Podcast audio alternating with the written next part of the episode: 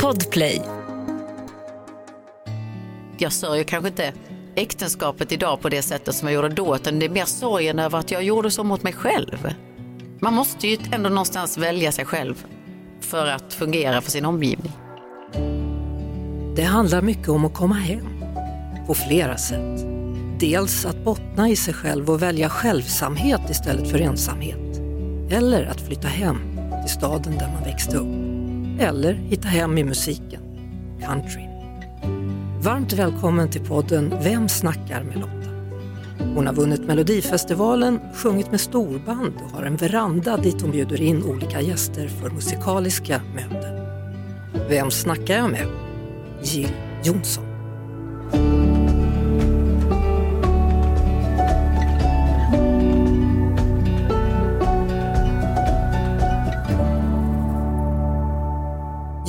Johnson, varmt välkommen till podden Vem snackar med Lotta? Tack så mycket. Alltså jag tror inte jag känner någon, det skulle vara Thomas Ledin då, Mhm. som väljer att liksom fira ihop med fans sin födelsedag, även om du inte egentligen fyllde på nyårsafton. Ja, just det. Ja, men det var en, en, en så här otroligt spontan idé i en stund där jag kände att det skulle bli så himla, himla roligt att få göra en sån här show liksom ett helt år. Eh, jag slängde bara ur mig det och tänkte att det blir ju ingenting med det. Men det tyckte producenten var en strålande idé. Och Jag kan säga att eh, timmen innan eh, showstart nyårsafton så var jag inte så kaxig faktiskt. Tyckte jag att det var ganska nervöst. Både för premiär men också för att folk har valt att fira sin nyårsafton med mig. Men vad är det med dig och nyårsaftnar? Hur blir du på en nyårsafton? För jag Am- tänker att året innan så stod du på scenen och, och var nyårsvärd då, i, i och med klockringningen och, och midnatt. Ja, och då är det ju rätt kul att du tar upp det därför att jag aldrig tidigare har gjort något på nyårsafton, för min pappa fyller år nyårsafton. Så vi har alltid varit hemma och tagit det lugnt och sådär. Det har aldrig varit någon stor grej för mig faktiskt. Du, vad är det som är så härligt med din nya show? Vad är det du tycker om? Eh, bredden, alltså jag brukar ju eh, slänga mig ganska ofta med att jag har kommit undan med väldigt mycket och eh, det har jag. Jag har släppt otroligt många album ehm, och jag har rört mig mellan ganska många musikstilar, även om country det jag återkommer till ganska mycket. Så att det är en, ehm, eh, men det är en, en glädjens stund för mig att, ehm, ja, att njuta av kanske några av de roligaste delarna i min karriär och eh, också få gå från eh, bara jag och en gitarr hela vägen till blås och storbandskänsla. Liksom. Mm. Det är lyx. Och är ännu mer nu efter den tiden som har varit bakom oss så känns det ju ännu mer njutbart och härligt att få göra det. Ja, alla artister i stort sett pratar om pandemin och, Ja. och vilken effekt det fick på karriären eller på en själv som människa. Hur var det för dig? Jag kommer aldrig bli densamma men jag väljer att se det mesta ganska positivt. Jag tycker att ehm, det blev liksom en tvärnit och en vila för hela branschen som jag tror i och för sig att vi behövde. Men sen blev det också ketchupflaskan när vi väl liksom skulle igång så nu är alla ute och det är lite för trångt eh, och sen har vi gått in i en lågkonjunktur. Så att det är liksom, det är ganska, på så vis är det ganska deppigt men jag tror glädjen och längtan efter musik finns ju där. Men våra beteendemönster har ju ändrats så att det är inte lika eh, lång framförhållning på saker och ting. Jag kommer aldrig bli densamma. Nej. Hur, på vilket sätt? Nej, men jag tycker att jag lärde mig ganska mycket, eh, väldigt mycket reflektion. Jag eh, fick liksom verkligen tänka efter på vad i branschen som var viktigt för mig därför att det, i, ett sånt, i ett sånt här liksom trängre läge i branschen så gäller det liksom att, att komma ihåg varför man gör det och att jag är den här branschen för min kärlek till musiken och ingenting annat. Mm. Men du är en ganska reflekterande människa, det hade du väl tänkt på tidigare tänker jag, eller? Men kanske inte på samma sätt. Alltså, kanske man, eh, det är klart man kan landa i en, en varm tacksamhet eh, efter en härlig kväll eller framförallt oftast eh, i möte med andra människor och när man får bidra till liksom, någons välbefinnande eller att någon delar med sig av någonting väldigt eh, liksom, eh, privat och, och känsligt kanske och ibland ledsamt. Eh, ja, tappar jag tråden. För jag hamnade i, i vad, vad, vad sa vi, vad var nu, frågan? nu hamnar du i något som var ledsamt. Ja, det var inte bra. Vad sa det du? gör ingenting, det är tillåtet i det här programmet. Nej, jag pratade om, om reflektioner och hur det kommer sig att, att just pandemin gjorde att du började reflektera mer. För Ja, jag det. uppfattar dig som en väldigt reflekterande Just människa. Det var så ja, ja, nej men just det. Och då så, så, det är klart man kan reflektera stunden, men nu blir man ju också tvingad till att fortsätta den här tanken, liksom, göra den ännu längre. Ehm, Jag, jag läste någonstans att numera är du beredd att, att ge upp ditt jobb, inte bara kämpa, kämpa och tacka ja till allting. nej. Hör det ihop med det här som vi pratar Ja om? men kanske delvis lite grann. Att, eh, men det tror jag också är som människa och i alla relationer till allting. Liksom att eh, Det finns liksom ingen riktig vits med att göra saker som inte känns bra för att då är man inte bra. Så att jag är nog beredd att gå ganska långt för att göra det som jag älskar. Liksom. Du, alltså Nashville, berätta för mig, vad betyder den staden för dig? Oh, otroligt mycket. Jag har varit där säkert ett 50-tal gånger. Jag har varit där i över 20 år varje år. Jag har massa vänner där borta. Eh, men framförallt så har Nashville som stad i princip lärt mig allt jag kan om att skriva musik. Så det är liksom min, eh, ja, min utmaning och min utbildning. Går det att beskriva känslan när du kom dit första gången? Ja, eh, första gången var jag faktiskt ganska besviken. Men det var för att jag hade romantiserat staden sedan barnsben och trott att liksom det skulle vara så saloonaktigt och så. Och USA generellt, de platser jag varit på ska jag understryka för USA i stort, eh, kan ju vara bedårande vackert men det kan också vara ganska fult med liksom bilhandlare på bilhandlare på bilhandlare. Och arkitekturen är väl ibland under all kritik. Liksom. Eh, för att inte prata om, om människorna och klyftorna som, som också skaver ordentligt när man åker liksom, till USA. Men, men, eh, ja, nej, men ju, någonstans så tog det väl, vad kan det satt, kanske tre resor dit innan jag hade lärt känna lite människor och fått se liksom andra delar och vågat mig lite utanför de liksom kvarteren som jag jobbade i. Ja. Ja, att, eh, men hur träffade du de här tjejerna som du skriver med? Eh, nej, men om jag skulle berätta lite om Liz Rose som är min liksom, allra bästa väninna och lite mentor också skulle jag vilja gå till. Eh, hon, eh, hon kom in ganska försenad till ett låtskrivarmöte och satte sig med benen i kors i en fåtölj och jag var liksom en sån här nu när jag känner henne så vet jag att jag har en sån där eh, artist, låtskrivare som hon tvingas skriva med ibland för att det är så det går till bara. Och eh, det skulle hon avverka på en timme tror jag hon hade tänkt och sen skulle hon dansa vidare sitt liv. Och då satt hon sig ner där bara och sa, jaha vad, vad spelar du för instrument? Jag bara, jag spelar inget instrument, vad spelar du? Nej jag spelar inte heller något instrument. Ja. Och så körde vi fast. Men sen var hon schysst liksom så att jag hade en ganska bra story som jag ändå ville skriva som hette Breakfast in New York. Mm. Och eh, som var en sann historia och den skrev vi och sen så satte vi ackord till den senare och då lyckades jag ha sociala skills så hon blev ändå så här lite nyfiken, vi tog en kaffe efteråt och då berättade jag att jag hade hotellblues, kände mig ensam och så sa hon bara, du kan komma och bo hos mig ett par nätter om du vill. Och då lagade jag väldigt god mat till henne som hon blev väldigt glad för och sen städade jag köket och sen så la jag 100 dollar också på, på köksbordet när jag tackade liksom för att jag fick bo där för det var ändå en tredjedel av hotellet. Och det tyckte hon ju var toppen. så då fick jag bo kvar där och sen gjorde vi den dealen några gånger och sen är vi bästa kompisar. So I guess that was the beginning of a long friendship. Ja men verkligen och också en ganska det är så tråkigt att landa i pengar men det är ändå en rolig historia. Så hon hade väl ett ganska normalt liv där de där 100 dollarna per dygn ändå var cash för henne. Liksom. Hon har också gått så långt ibland att hon har sagt eh, Jill used to pay my bills. Ehm, för bara några år senare så började ju en 15-årig flicka springa i hennes trädgård titt som tätt och skriva musik och det var ingen mindre än Taylor Swift. Sådär. Så att Liz Rose skrev ju de två eller tre första albumen tillsammans med Taylor och hennes värld förändras ju drastiskt. Så hon, hon är ganska, eh, ja, Men har du också hängt med Taylor då? eh, när hon var 15 år, ja.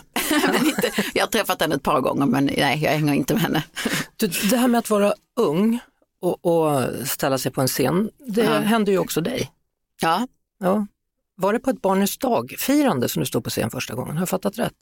oj. Om det var det så vet du mer, minns du mer eller har koll på mer. Jag var nio vet jag och jag var, det var i hembygdsparken och det var en Margareta Törnqvist som hade skrivit en barnbok så det låter ju troligt. Ja, minns du någonting av att vara ung och stå på scen? Vad betydde det då jämfört med var du befinner dig idag när du ställer dig på en scen? Ja, men, eh, jag får frågan ibland om jag minns när jag bestämde mig för att bli artist och musiker det minns jag. Liksom all, jag. På något vis har musiken alltid bara funnits med. Jag minns den gången jag var nio bara för att jag minns pirret liksom, och jag har sett en bild och jag tyckte att det liksom gick sådär. Jag minns liksom den stunden.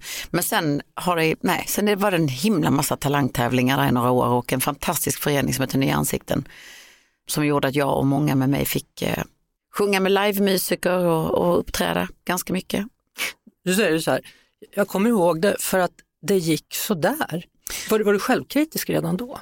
Eh, Eller är du det nu? Nej, jag, nej men jag tror att det var för att det var liksom, vi sjöng, vi var ju flera barn. Mm. Och jag minns inte att alla sjöng så mycket. Det kanske var som talang, de gjorde olika grejer, steppa. Nej men jag menade att, vi, att jag kände mig nog ganska sådär som att jag hade, önsk, jag hade ganska hög ambition redan då, att jag ville att alla skulle sjunga ut mer och mm. sådär. Så att det är väl det jag minns. Mm. Och sen hamnade du i eh, Tombola band. Mm, tombola. Ja, tombola. Tombola. Mm. Tombola band. Berätta om det. Eh, ja, men det var också en talangtävling som kompades av dem. De hade väl tagit ett gig för att eh, ja, dryga ut sin kassa antar jag och sen så eh, sjöng jag, om jag minns rätt nu då, så sjöng jag Take Me Home Country Roads, John Denvers fantastiska låt och eh, pratade nog mycket country och då var ju de ett genuint countryband som spelar mycket i Danmark och Norge på stora countryfestivaler och lite undergroundklubbar och då frågade de bara om jag ville haka på liksom. Och då var jag ju jätteung, så då fick jag ju bjuda hem dem till mina föräldrar och så ja, vad de fika väl i två timmar, sen var det klart. Så det var liksom, det var inte svårt. De släppte iväg mig ganska lätt. Ja, är det bra eller dåligt? Men med facit i hand så är det, jag gick ju jättebra. Jag var ganska, eller jag vet inte, jag kände mig så otroligt rutinerad redan som 14 år. Det är så löjligt för det var jag såklart inte, men jag hade skinn på näsan och var väldigt trygg liksom. Alltså country då, som mm. de spelade, var det en ny musikgenre för dig eller hade du upptäckt countryn redan innan? Men mamma och pappa spelade mycket Lynn Anderson och Kenny Rogers och Dolly Parton. Alla de här stora, Chris Christopherson, alla de här, Willie Nelson och Dolly Parton, listan är lång. Eh, så att jag hade nog det med mig och eh, började sjunga lite av den musiken redan som tonåring. Men det var ju när jag träffade det här bandet som jag fick liksom en ICA-påse med kassettband liksom och så, ja, så besatt jag och lyssnade igenom och det var då jag liksom blev förälskad i countryn på riktigt tror jag. Ett poddtips från Podplay. I fallen jag aldrig glömmer djupdyker Hasse Aro i arbetet bakom några av Sveriges mest uppseendeväckande brottsutredningar går vi in med hemlig telefonavlyssning och, och då upplever vi att vi får en total förändring av hans beteende. Vad är det som händer nu? Vem är det som läcker? Och så säger han att jag är kriminell, jag har varit kriminell i hela mitt liv men att mörda ett barn, där går min gräns. Nya säsongen av Fallen jag aldrig glömmer på Podplay.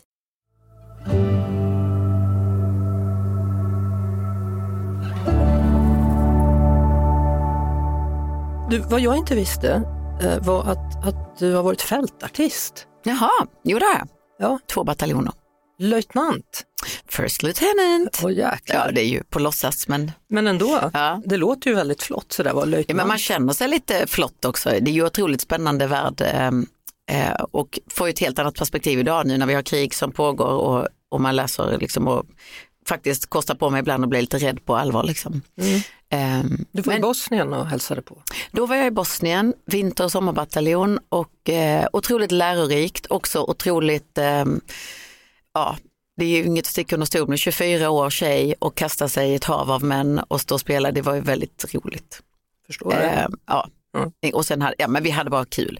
Men sen är det ju också otroligt eh, att det blir, eh, hur ska jag säga detta när jag säger att vi träffas på en neutral plats, det är verkligen inte så, men det blir en, vi är där av samma anledning. Mm. Det, det, blir en enormt stark gemenskap som, alltså jag har ju soldater som hör av sig än idag, som var där då. Och det tycker jag är, så, det är ett så otroligt fint minne. Jag är så tacksam för den resan och jag fick också se krig liksom på nära håll, även om kriget var över då. Man kunde liksom se konturerna av en otroligt vacker plats som var helt totalförstörd och det var otroligt svårt att ta in. Men nu då när man ser liksom kriget i Ukraina och, och liknande bilder på tv, då kan jag ändå liksom relatera. Sätt, jag relatera på ett annat sätt och det, det är såklart smärtsamt men det, det blir ändå, då kände jag igen med musiken att den har ett syfte och det är ju hela anledningen till att man älskar det här jobbet, att man kan få bidra på något sätt. Liksom. Mm. Du sa det, ibland kan man känna sig rädd av det som mm. försiggår i, mm. Ukraina. Alltså jag tror att bland det värsta som jag tycker det är att, att de bara förstör, de förstör allt. Mm. Hur är det tänkt? Alltså jag, jag tycker det är så här, nästan lite minerad mark att prata om det för jag känner mig så himla, jag känner att jag bottnar inte överhuvudtaget. Jag blir liksom också primitiv men det känns ju som att kriget liksom är primitivt och en massa galna män som liksom, som sagt jag stannar mm. där. Annars kanske jag, eh, det är så himla svårt att förstå, jag, jag kan inte förstå krig. Det känns som att det handlar om makt och girighet och en otroligt stor portion rädsla. Liksom. Mm. Är det det det är, rädsla? Men det måste ju vara det. Jag menar fasen vi har ju... Är det rädsla eller är det makt? Ja men det är väl, det sitter väl ihop på något vis. Ja. Ja, eländet är det i alla fall. Ja. Uh, hur gammal är din äldsta dotter nu? 18.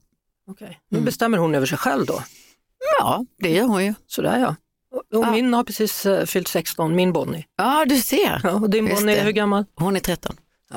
Mm. Det är en spännande ålder. Ja, det är det verkligen. nu har du gjort den resan ja, precis. med en tjej. Och jag välkommen. Är precis, ja, ja. Så du välkommen till mig. Ja. Ja. ja. men det är ju väldigt individuellt också mm. tycker jag, men det är ju, vissa saker är otroligt generella. Men, men eh, på tal om eh, frigörelse och, och eh, Eh, så var min äldsta dotter 16 år när hon frigjorde sig och jag måste säga att jag var inte beredd. Jag drog ändå hemifrån när jag var 14 och du vet den här långa linan som man förväntas släppa på, liksom, det, är ju, det gör jag gärna, det vill jag göra, liksom, men det är ju jag hade ingen sån här lina tycker jag när jag var ung. Jag tyckte att mina föräldrar skickade med hela skiten och så var det bara vuxenlivet direkt. Liksom. Ja, så hur blev det för Havanna då? Hon... Eh, ja, nej, men det har gått hur bra som helst. Alltså, hon, är ju en, hon är väldigt lik mig till sättet, så socialt skillad och eh, glad och härlig och, och tar för sig av livet. Liksom. Men eh, framförallt så känner jag att hon har ju en en tonårsperiod som jag inte hade eftersom att jag jobbade liksom, eh, och var med, hängde med vuxna mest bredvid skolan och hon lever liksom gymnasielivet och det unnar jag henne så mycket, jag är så glad för det. Alltså du hann aldrig med det då när du var ute där? Nej. Alltså, eh, nu vet jag inte varför jag går in på alkohol direkt bara för att vi pratar tonårsperiod men vi vet ju att det är en, en inträdesålder liksom till ett vuxenliv och inte bara de bra delarna. Liksom. Mm. Eh, jag drack ju min första öl alldeles för ung men med fyra män som tog den ifrån mig så fort de märkte, liksom, så fick jag gå och lägga mig. Mm. Eh, så att jag drack liksom alkohol med vuxna och när jag kom hem och mina kompisar liksom festade så tyckte jag det var så otroligt B. Vilket jag säkert hade behövt vara med och göra för att ja, lära mig den vägen. Liksom. Men, ja, det är väl inget att föredra naturligtvis men det, jag, menar. jag missade ändå röjet och festerna och, och de roliga, liksom, det som snackades om på veckorna sen ja. kunde jag inte vara med. Så kan du sakna det då, att du inte var där? Nej, det gör jag verkligen inte. Men jag kan, jag kan se, eftersom att jag tycker att eh, min äldsta sköter sig så bra och har så roligt, jag är så glad för hennes skull att hon, att hon får vara med, att hon har roligt. Det är en viktig tid tror jag. Och, och som, som, mamma då så blir man ju orolig, eller jag blir i alla fall ja. när hon börjar gå in nu och ja. närma sig vuxenlivet. Vilket sällskap, vilka är hon med, mm. vad ska hända? Men det är man... ju också ett lotteri.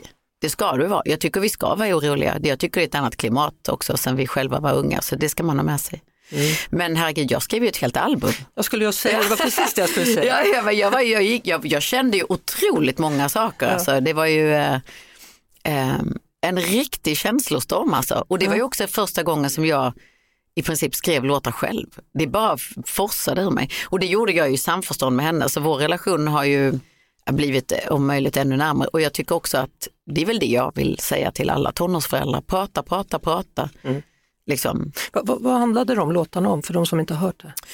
Eh, nu ska vi tänka här då, ja men alltså första titelspåret Dear Havana handlar ju om ett, eh, ett samtal mellan mor och dotter på varsin sida om Atlanten därför att Havanna satt ju helt plötsligt där mitt i friheten och började snacka om USA att hon skulle dra så fort hon fick en möjlighet att gå på college och liksom bye bye liksom. Eh, och det, jag har ju varit själv varit den som har liksom presenterat USA för henne. Hon har rest dit sedan hon var sex månader gammal. Mm. Så det är väl inte konstigt, men det känns ju också jävligt långt bort och, och inte alls en bra idé. så att eh, det är ett ganska sårbart samtal. Eh, där Havanna också faktiskt sjunger på, på låten och det var också bara en tillfällighet för jag visste inte ens om att hon kunde sjunga på det sättet. Det hade hon aldrig gjort liksom. Kom, ja. ja. nej. Men och sen är det sista låten är en ganska humoristisk låt eh, som jag personligen då tycker är det enda lite privata. Annars är allting mer ganska ändå allmängiltigt även om det handlar om henne. Där låten heter liksom uh, You're still mine. Och uh, Your father loves you, lots of people too and that's fine but nobody loves you more than I do and you're still mine. Och det är väl lite så jag känner liksom att ja, Svårt det här med att släppa taget. Alltså. Ja men verkligen. Det spelar ingen roll hur många gånger polis eller Sting sjunger. Om det ska någon set them free, det spelar ingen roll. Det är svårt. Nej. Det är svårt, men, men det är väl eh, oundvikligt Ja, ändå på något vis. Man, må- alltså, man måste göra det för deras skull också. Jag menar det handlar ju om att de ska klara sig. Det är ju det är min enda liksom, dödsångest faktiskt. Det är att jag ska dö innan de blir vuxna och klarar sig själva. För att annars så, så jag menar, ja, man måste, de måste ju lära sig att leva sitt liv liksom. N- När släppte du dina föräldrar då? Vad de tyckte om det du gjorde eller inte? Men det är det här som är så hemskt nu när jag har tonårsdöttrar, att jag minns liksom inte att de att de ro, alltså, detta är inget negativt, men alltså, jag minns inte att vi hade några diskussioner jag, eh, om att liksom, eh, du ska vara hemma klockan 11, eller du vet, ing, jag minns inga sådana, liksom, eh, det är klart att vi hade något samtal om att när man var yngre man ville stanna ut en timme till. Liksom. Mm. Men eh, Men du hade inget sånt där så, så att du själv kände att det måste vara okej med mamma och pappa, alltså även när du blir lite äldre. Jag har haft lite så att jag känt att jag var tvungen att prestera och att de skulle säga att det var okej det jag har gjort. Långt upp till Ja, 30-årsåldern. men det liksom. sitter väl, alltså ja, eh, ja men det skulle jag, ja det är klart att jag än idag vill att mina föräldrar ska vara stolta. Det är väl också nackdelen med att vara en, en offentlig person, att allting som drabbar mig drabbar ju min omgivning. Så det är klart att det känns, det räcker inte med mina föräldrar, det gäller nog alla. Det där med att, att vara personlig, jag vet att när du och jag träffades en gång så hade du släppt eh, ett album Mm. eh, där jag sa till dig under en låt så sa jag, Hörru, vi ska spela den här låten, är inte det en skilsmässolåt? Ja just det, det var ju du som outade vår skilsmässa. Ja, Och jag var så himla oförberedd på det den gången, kommer jag ihåg. ja, jag tror att jag frågade dig under låten i alla fall om det är okej att jag säger det. Och då Ja, sa men du, det- ja, Ja, men, men vet du vad, det här, ska vi, det här är ju jättesvårt, det här är nästan som man skulle haft en intervju. För du frågade, fråga, vad ska vi se, vad frågade du? Du sa inte skilsmässolåt, vad var det du sa? Jo, du sa, kan man fråga Jill om hon är singel nu då? Och då svarar jag ja, och då menar jag att ja, det kan du fråga. Du kan ju fråga vad du vill, men på då bekräftade jag ju det. Utan att liksom, och jag kände mig inte alls som singel då, för det var ju så himla nytt. Nej, jag Men, vet att vi, när vi sågs någon gång senare så sa du så här, usch vad dum jag var, jag borde passat på att pratat mera om det då. För det skrevs ju något enormt efter det där. Mm. Fast du egentligen Har jag hade sagt det? Ja, Ja, ja, det men det privat har du sagt så. Ah, okay. Att du, ah. att du kände att varför, varför jag passade jag inte på att prata om, om det när du var där? Så, nu har du sagt det. Okej. Du ja, det minns jag inte. Ja, men, Nej, men- Ja, nej, men det, det, hade jag, det är jag nog glad att jag inte gjorde. Alltså, Mm. nu när, man, jag har ju bara skilt mig en gång. Nu kan jag ju känna, nu har det gått liksom, har det gått sex år? Mm. Nej, sju år. Vi är inne på sjunde år. Så att jag har ju gått tid och det är så, jag minns när jag träffade min exman, då hade han varit separerad i, i fem år från sitt barns mamma och det tyckte jag ju som 22-åring var oceaner av tid. Liksom. Men idag förstår man liksom att när man har barn och delar upp en relation så är det inte så enkelt. Ehm, såklart. Mm. Men det var, det var otroligt tufft. Och jag är också en sån person som vill göra rätt och vara respektfull och sådär. Så det var så himla svårt. Jag kastade mig på telefonen till min exman efter så om tio minuter så smäller det bara så du vet. och det gjorde det också. Det tog tio minuter och sen hade Expressen lagt ut någonting. Efter intervjun som jag gjorde, Ja, det sa ju bara pang. Det gick ju jättefort. ska jag be om ursäkt nu? Nej, verkligen inte. Jag Nej, får väl ta ansvar för mina egna svar. Absolut inte be om ursäkt. Nej men det var inte bara där, sa ju pang överallt. Ja, jag vet. Det var, men det, det är ju det också, det, det kan man också prata om, eller inte, men det är också det klimatet man lever i idag. Det är ju liksom sensations... Ja, Så är det. hur, funkar du då? Bryr du dig om vad folk skriver, tänker, tycker? Ja, jag tycker klimatet nu är fruktansvärt med, med sociala medier. Jag tycker folk är helt vidriga när de går på och driver och hatar och utan att ha någon som helst, de är så aningslösa. Det är bara, det är bara att gå på liksom. Jag tycker det är hemskt. Jag pratade med, med någon häromdagen om det, att, att man skulle ju aldrig skriva de sakerna, eller de människorna, om man satt och tittade som vi gör nu, om man hade ett samtal. Liksom. Nej, och skulle man säga de sakerna så skulle ju vederbörande kunna förklara att du har helt kanske missförstått liksom. Hela Eh, alltihopa. Ja, men jag vet inte, det är väl det, man har väl, nu fostras vi liksom in i det här att, ja, att man liksom inte behöver tänka till så himla mycket, man kan bara spontana ur sig vad fan som helst. Mm, och fort går det, för sen är man vidare till nästa. Ja, nej, jag tycker det, jo det påverkar mig jättemycket, det gör det. Men i att man blir äldre, Mm. Stämmer det eller är det bara en floskel eller en myt det där med att man blir tryggare i sig själv? Stämmer det för dig? Ja, det är ju väldigt individuellt. Ja, men delar av det, absolut, det gör det. Och det är så skönt. Ja, Jag älskar det. så du har inte sådär ångest, åh nu ska jag fylla 50 i maj. Nej, inte den delen, inte den här klassiska delen att bli gammal och, och rynkigare och sådär. Det känner jag inte att jag, Nej. och det kan jag inte göra så mycket åt heller känner jag. Så, så vilken del är det du inte tycker? Alltså som jag inte är trygg i. Mm. Ja, men det kanske är tiden vi lever i bara, att jag, att jag tycker att det, eh, att det inte hjälper att jag är äldre när världen är som den är. Liksom. Mm. Och så kan jag ibland känna mig otillräcklig, jag känner att jag borde göra mer, liksom, bidra mer på något sätt, tycka mer och använda min plattform mer för saker. Liksom. Men det, jag tycker att det är så svårt att bot, hinna bottna, hinna liksom stå pall för de åsikter man skulle kunna ha eller det man skulle vilja liksom hålla armen om. Och det är ju hela liksom civilkurage som man måste ha som människa såklart. Men det tycker jag är svårt att vara trygg hela vägen där. Ja. Men eh, annars tycker jag att eh, det är en ynnest att få bli äldre. Så. Du, du gick i terapi, Jag går i terapi. Fortfarande? Jag älskar terapi. Ja, du älskar terapi? ja det är Va- bäst, det är sån lyx. Vad? vad? Varför? Vad är det du behöver jobba? Därför att jag vill utvecklas och jag tycker att eh, liksom, utbildningen om mig själv är ju svår att göra utan liksom, ett bollplank. Och, eh, nej, men det, det kände jag nog dag ett. 2007 var första gången och sen har jag gått sedan dess. Mm. Så att jag, det är väl den bästa utbildningen man kan skaffa sig, utbildningen om sig själv och utvecklas och förstå hur man funkar och varför man funkar på ett visst sätt. Så att, nej, det är det bästa jag vet och jag önskar att alla människor fick möjlighet. Ja, det gör man faktiskt. Men jag gillar också att, att gå i terapi Ja. i, i perioder. Då. Men Mm. en del människor tycker att nej, men måste vi hålla på, det är ingen idé. Man kan inte lära gamla hundar sitta och så vidare. Och så vidare. Jag vet hur jag Fast är då och sån låter det som jag. att man pratar om en och samma sak. Jag menar, li livet pågår ju, det händer ju saker hela tiden. Liksom, efter den här intervjun kanske jag måste tappa efter mig som fasen. Vad sa du? måste... Nej jag skojar. Jag Jaha, sa terapi, efter... ja, ja. Nej, men jag menar att alla tillfällen kan ju, man kan ju trampa fel någonstans och känna gud hur blev det där? Och, eh, jag sa att livet pågår ju så att ehm, det handlar väl inte så mycket om eh, liksom hur man är stöpt av, man är ju med om saker hela tiden. Men du, du är till och med förlovad med en psykolog nu. Ja, det är mycket trevligt. ja. Mycket spännande. Organisationspsykolog, vad gör man då? Ja, man eh, hjälper till i rekryteringar och persontestar och Jaha. hjälper till i arbetskulturen liksom, så att eh, arbetsplatser har det bra. Men, men det är intressant för att han gör ju något helt annat. Din exmake, han, han var ju musiker också. Mm. Är det en fördel här med att bli tillsammans med någon som kanske inte är inom samma gebit? Eh, Eller har det gud. ingenting alls med Alltså, att det är göra? också, det är så här, det är, man kan inte, det är inte allmängiltiga svar i detta. Nej, liksom. såklart. Ehm, Hur har det varit för dig? Ja, Men eh, alltså, jag tror mer att man behöver en, en trygg man alltså som, som förstår vad mitt jobb går ut på, som inte sitter och som kanske tycker om också att röra på sig och, och flytta på sig. Det är ju liksom, det är inte helt enkelt att, att eh, få ihop det liksom. Eh, I och med att mitt jobb är ju, tar jag, tackar jag ja till en turné så är det inte så att jag säger, ah, jag kan tänka mig vara den fredagen och den lördagen och den torsdagen utan det är ju, man tackar ja till en period och sen är man ganska Ja, sen blir man typ försedd med datum och sen så är man väldigt glad för dem och så jobbar man liksom. Ja.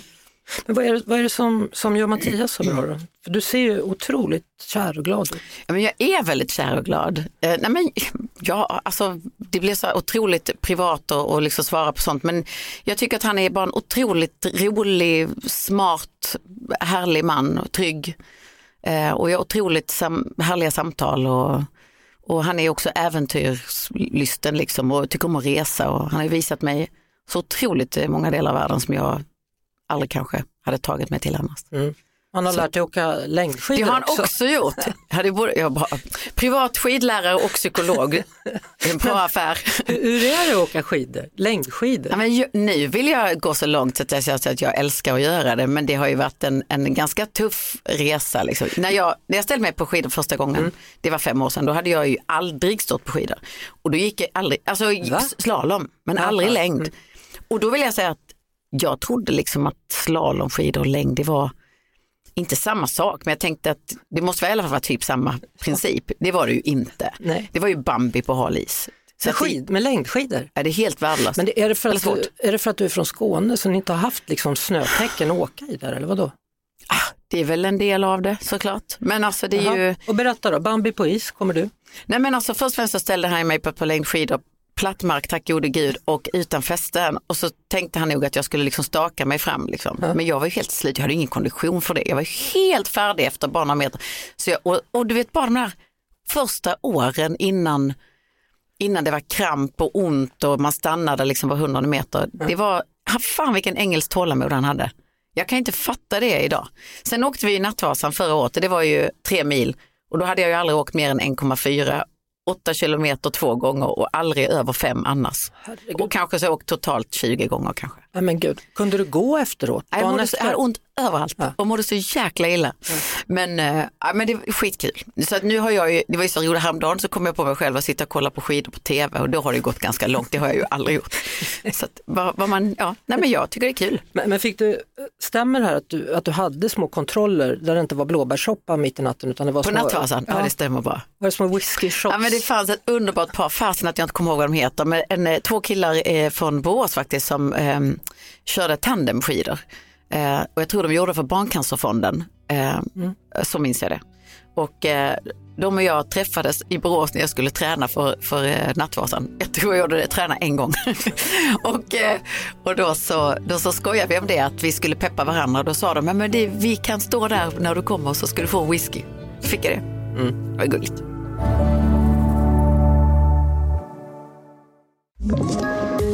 Poddtips från Podplay. I fallen jag aldrig glömmer djupdyker Hasse Aro i arbetet bakom några av Sveriges mest uppseendeväckande brottsutredningar. Går vi in med hemlig telefonavlyssning och, och då upplever vi att vi får en total förändring av hans beteende. Vad är det som händer nu? Vem är det som läcker? Och så säger han att jag är kriminell, jag har varit kriminell i hela mitt liv men att mörda ett barn, där går min gräns. Nya säsongen av Fallen jag aldrig glömmer på Podplay.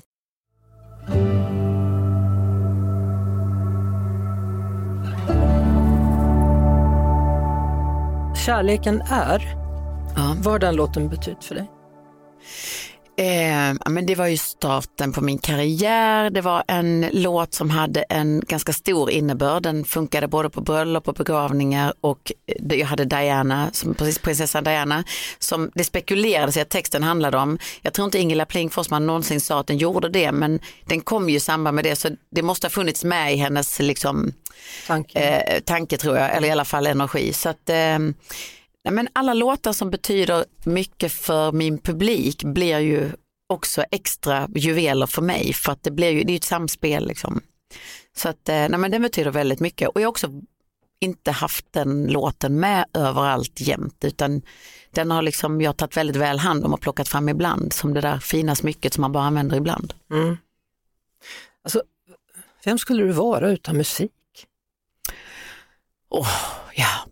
Alltså jag höll ju på att bli polis. Jaha.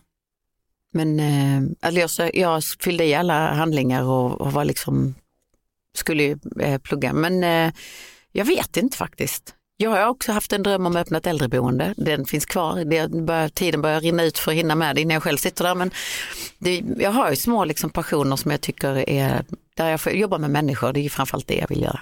Vad var det med, med polis som var så speciellt? Men jag vet inte, jag, det kan ha att göra med att jag jobbade som ordningsvakt i några år eh, och i det jobbet då jobbade med polisen, sedermera jobbade som arrestvakt på polisen i Ängelholm. Och jag vet inte, det är väl den här liksom omtanken för livsöden och eh, kollegiala liksom, eh, ja att man är en team liksom, att man jobbar ihop. Ja. Lite som med band, man är ett litet, en liten orkester.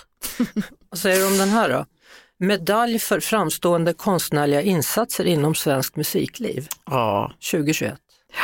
Väldigt överraskad blev jag, måste jag säga. Från kungen. Ja. Hur kändes det? Men all, alla former av erkännanden är ju speciella och sen, jag vet inte, jag tycker om kungafamiljen och har ju liksom ha- haft eh, glädjen att få underhålla där de har varit och sådär och jag tycker att de är härliga. Men det är ju, ja det är ju kungen.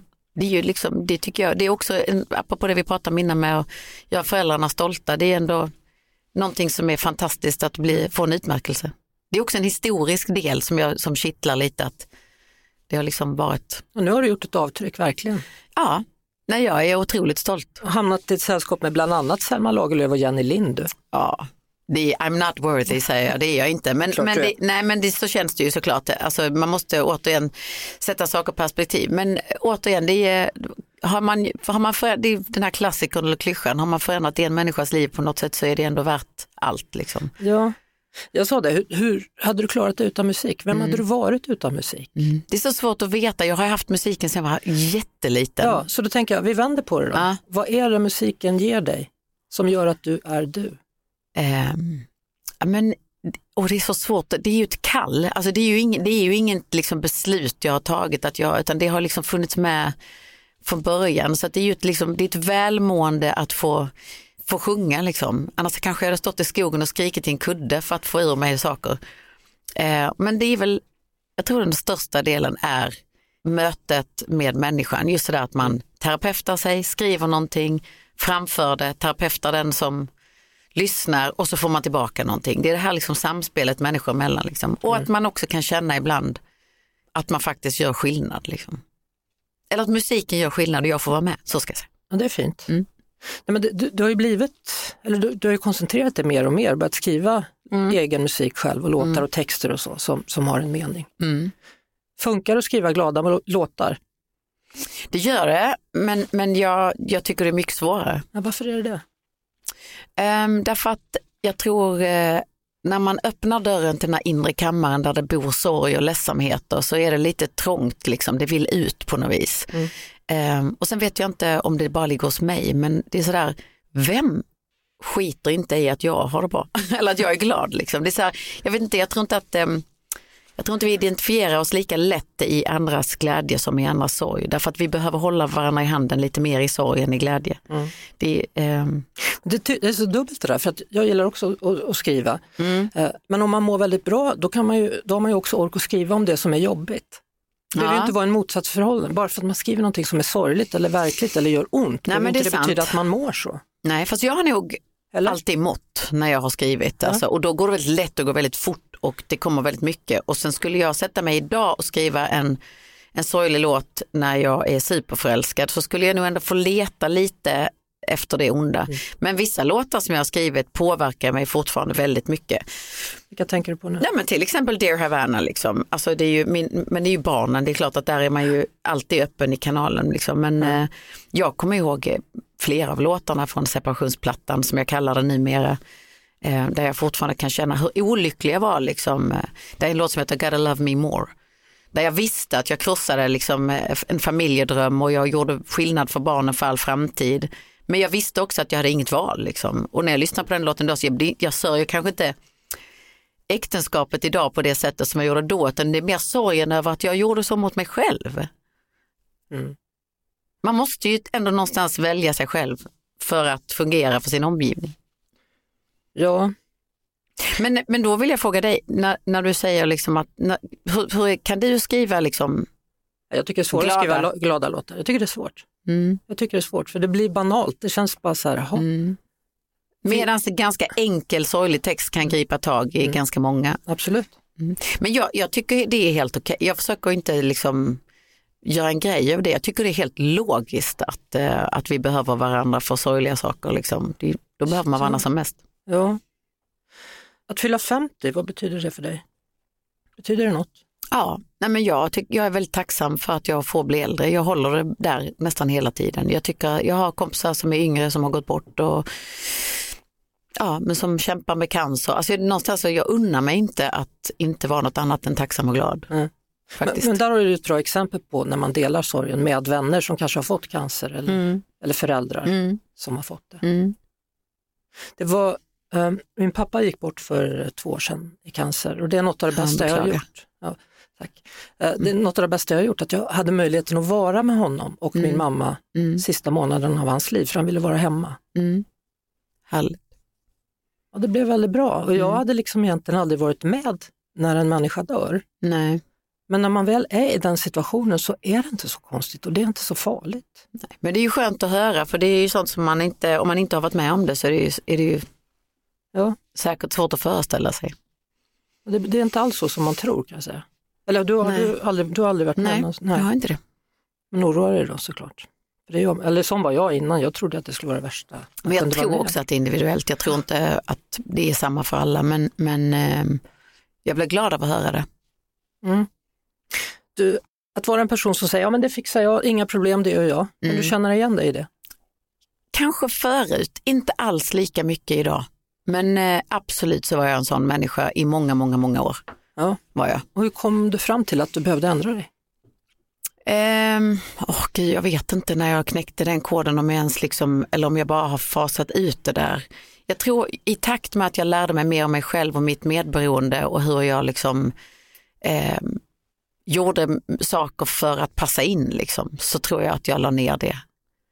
Så det här med att, att självuppoffring, det är liksom inte styrka utan en svaghet snarare. Ja, men självuppoffring kan ju vara någonting, att lägga bort sitt ego och göra någonting för någon annan, det är ju fint alltid mm. såklart. Men eh, det är väl mer det här att, att, att det ska vara återigen det här samspelet, att då ska det finnas liksom någonting i andra änden, mm. inte en, kanske någon eller jag menar att det ska, det ska tas emot och önskas från andra änden ja. och inte vara någonting man gör för att man tror att någon vill det.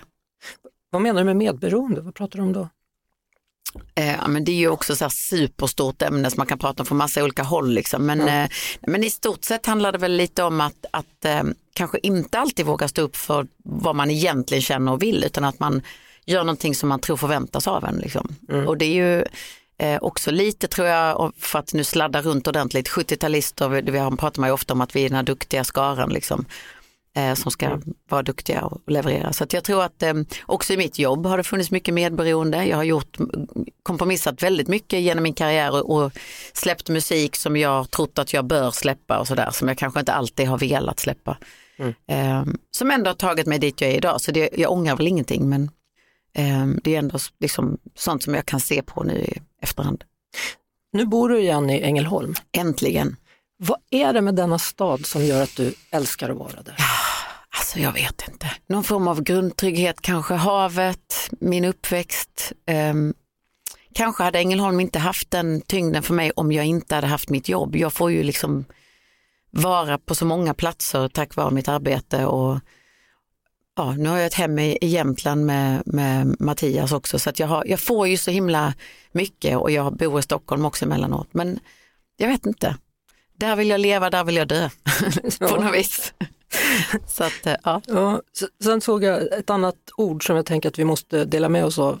Självsamhet. Ja, jag visste att det skulle komma, jag kände det när du sa ordet. Det är det enda ordet som jag har liksom, jag, jag vet inte ens om det är jag som har gjort det, men det, när jag fick feedback på det så kändes det som att ingen hade hört det, för Nej. jag fick så jäkla mycket kärlek för det. Väldigt fint ord alltså. Ja, men eller hur? Ja. Jag hoppas att det är jag, då, då blir jag så här egoglad. Ja. Men eh, Eh, det är säkert inte så, men eh, jag, ehm, eh, jag har aldrig tyckt om att vara ensam. Alltså jag, efter mina turnéer under nästan hela min karriär så har jag skyndat mig hem till någon kompis och suttit och tjatat hål i huvudet på dem. Eller, alltså jag har varit skitdålig på att vara ensam, men nu tycker jag det är så skönt. Det är väl också en åldersgrej såklart. Och att jag, eh, apropå terapi som vi var inne på, så sa min terapeut efter mig för många år sedan, du måste börja bygga en relation till dig själv. Du måste skapa en relation till dig själv och tycka om att hänga med dig själv. Och jag fattar inte riktigt vad hon menade då, men det handlar väl lite om att, att förstå sig själv och tycka om sig själv och gilla att hänga och vara trygg med att vara själv. Och då tycker jag ibland att jag kan se fram emot det. Och när jag till exempel skilde mig så var jag ju livrädd för att inte få, hur det skulle kännas att inte vara med mina barn. Eh, Mattias och jag är ifrån varandra jättemycket för vi har barn i olika geografiska delar av Sverige. Och sådär. Men jag kan ibland tycka om att vara själv och jag tycker om att längta. Mm. Och det tycker jag är, det är ju skönt. Självsamhet. Självsamhet. Känn på den. ja, det, det är ett väldigt, väldigt bra ord. Ja. Jag måste bara fråga en annan grej. Alltså, lärde ni känna varandra genom mail? Ja, han skrev till mig. Ja. Och så här långsamt då så ja, ni upp? Ja, men det är, det är så inte jag och svara på en sån sak egentligen. Men han var så inte liksom uppenbart ute efter någonting annat än ett samtal. Eh, och det kan man ju diskutera såklart, men jag upplevde inte det så där jag var i alla fall, där jag befann mig. Jag har samma erfarenhet med min sambo. Ja, du ser. Ja. Men sen kan jag känna så här, hur fasen ska jag träffa någon då? Det är inte så att jag kommer lägga, skulle liksom lägga ut mig själv på Tinder i första hand och sen också krogen och, och så som jag jobbar. Det är svårt att vara en offentlig person på det viset, inte just kändisskapet utan det blir en obalans i man är någon Mm. och så ska den andra bli någon. Eh, I stunden menar jag, alla är ju någonting såklart. Men det blir sån här obalans i första mötet, det är så svårt.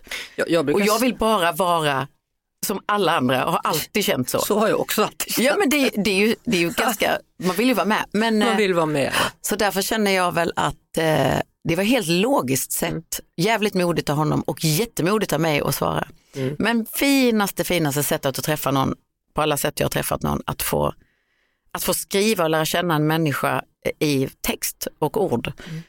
Och jag googlade naturligtvis upp lite bilder, vilket var jättespännande för han såg så olika ut på alla bilder. Han kostym av allvar eller på någon bild och kepsen på sned och i skidbacken på den andra. Så jag visste inte riktigt vad jag skulle möta. Det låter ju som du. Ja, kanske Just det faktiskt. här ja, liksom, det är sant. vardag och sen glitter. Nej, jag är väldigt förälskad. Ja, jag ser det. Ja. Det gnistrar. Det är kul. Ska ni gifta er också? Ja. eller? Ja. När då? Nästa år? Är det bestämt nu? Ja. Det har varit bestämt hela tiden, det är bara det att... Eh, Var, var ska ni vara? nej, det drar jag lite på tror jag. Ah, okay. Ja. Men om jag Kreta säger så här kanske? att, att Mattias är väldigt traditionell så kan man nog Jaha. lista ut. Kyrka tror jag faktiskt, känns det som. Ja, det känns det som. V- Var ditt förra bröllop, var det kyrkbröllop? Ja, det var det. Då var vi faktiskt i Vänga kyrka som var Mm. i Västra Götaland där vi bor. Mm. Men nu är vi traditionella. Ja, det är bra. Jag gillar tradition, jag är gammaldags. Jag vill vara med, man vill vara med helt enkelt. Nej, men det, det, nej, jag tänkte på det där, hur ska man träffa någon? Jag bara tänker, jag, jag, alltså, ibland kan jag sitta med någon kompis som har sån där Tinder för jag vill bara försöka förstå hur det går till och swipa, Ja. vad det betyder. Har du, har du gjort? Nej, Nej, jag, har, jag har faktiskt inte gjort det. Men jag vet hur det går till. Alltså, det, Ja. är ju, det Det är också ganska rått på ett sätt. Eller är det bra? Det verkar funka, eller? Alltså jag vet inte. Swipe? Jag vet inte, jag vet inte. Jag vet Nej, inte. Nej, jag men det är så svårt. Ehm, det är väl helt logiskt att man tittar på någonting och ändå måste ju attraheras eller bli nyfiken i alla fall. Mm. Säger vi samtidigt som vi har sagt att det var skönt att lära känna någon genom text. Absolut, absolut, absolut. Jag kommer inte, och jag, helt ärligt, jag måste fundera på om jag, hur jag svarade innan jag tittade på bilderna. Gjorde jag. Ja. Fick fundera. Mm. Mm. En annan grej då. Du har ju eh, utbildat dig till ett nytt yrke. Ja, nu ska vi inte ta i. Ja, eller det har, jag har ju ett diplom ju. som sommelier, men det är ju, Ja. jag skulle aldrig kunna utöva det eh, som yrke. Därför att det är en så otroligt stor eh, kunskap. Alltså det är, Mm. när man, nu när jag har gått den här utbildningen, då förstår jag hur lite jag kan. Men, men eh, vad är det som är roligt med vin? Ja, hur mycket som helst. Nej, men jag tror, eh, alltså vinintresset har kommit via maten. Eh, jag, mina föräldrar var med i munskänkarna så att det, har funnits en, det har funnits med mig i livet lite grann. Eh, och det var nog också på en ganska så, förstår jag nu, bara kul nivå. Vi har också, eh, mamma har alltid lagat mat, alltså mycket mat, så kärleken till maten har funnits. Och sen när jag träffade Maria Molin Ljunggren som är min liksom, eh, kollega och partner sedan 30 år, eh, vi har bolag ihop. Hon är ju en matguru, hon, hon är en matkonstnär och så att, så att vi har liksom diskuterat lika mycket musik och mat i vårt liv. Liksom. Och vi har släppt två kokböcker tillsammans och utifrån det började ju erbjudanden om att släppa vin komma.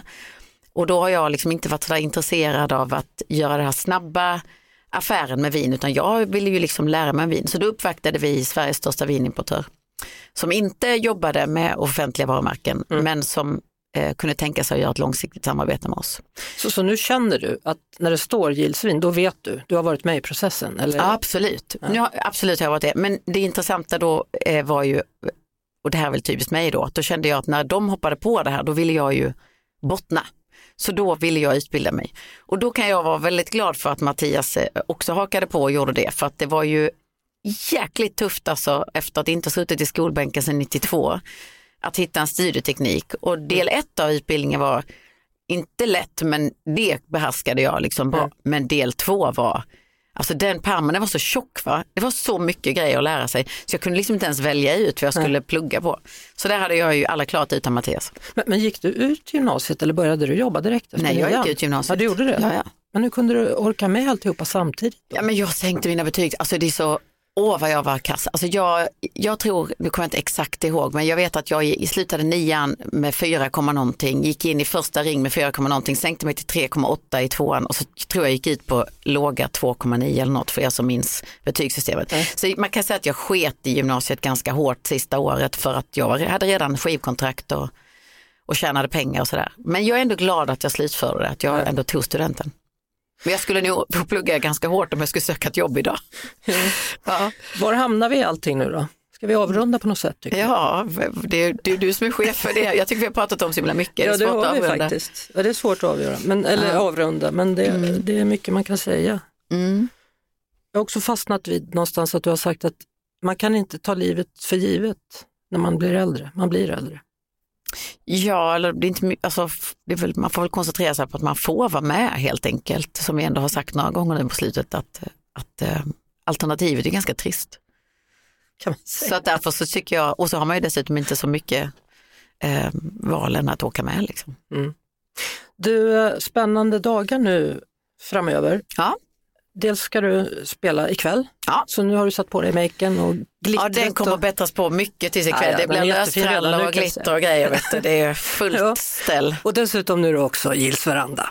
Ja, jag känner att det är efterlängtat. Det tror jag. Ja, men det känns så. Jag får mycket kärlek ja. på stan. Blir det en ny Kristallen också sen säkert nästa år? Också? Det vet jag inte förstås. Jag är så glad för den jag har. Ja. Ja. Kan du säga något om artisterna som är med i år? Ja, det kan jag. Först och främst så är det ju offentligt vilka de är, men det är en väldig, det är en väldig bredd framför allt. Um, och så tycker jag att det finns ett brinn. Jag tycker att um, um, flera av artisterna kommer med ja, men ganska heta liksom, åsikter och där de också bottnar väldigt mycket och där jag som vanligt känner att jag får lära mig nya saker och det är det bästa med vandraren tycker jag. Mm.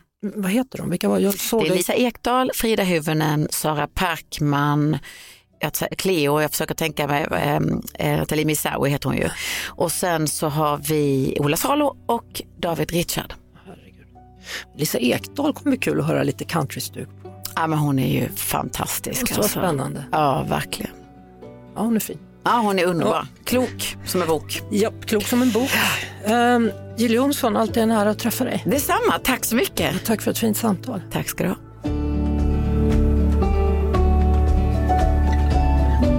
Självsamhet. Ja, det får bli ordet som jag tar med mig från samtalet med Jill Johnson. Och missa nu inte då Jills veranda. Det finns givetvis på SVT Play. Onsdag om en vecka så kommer ett nytt avsnitt här på Podplay av podden Vem snackar med Lotta? Och tills dess så hörs vi i Mix Megapol måndag till fredag i halv tre med mig, Lotta Romé.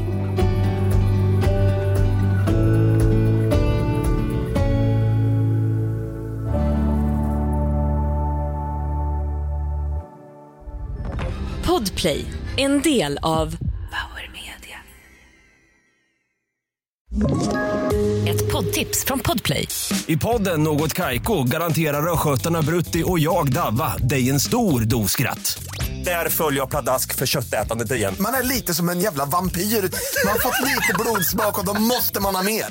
Udda spaningar, fängslande anekdoter och en och annan arg rant. Jag måste ha mitt kaffe på morgonen för annars är jag ingen trevlig människa. Då är du ingen trevlig människa, punkt. Något Kaiko, hör du på podplay. Därför är gardinerna.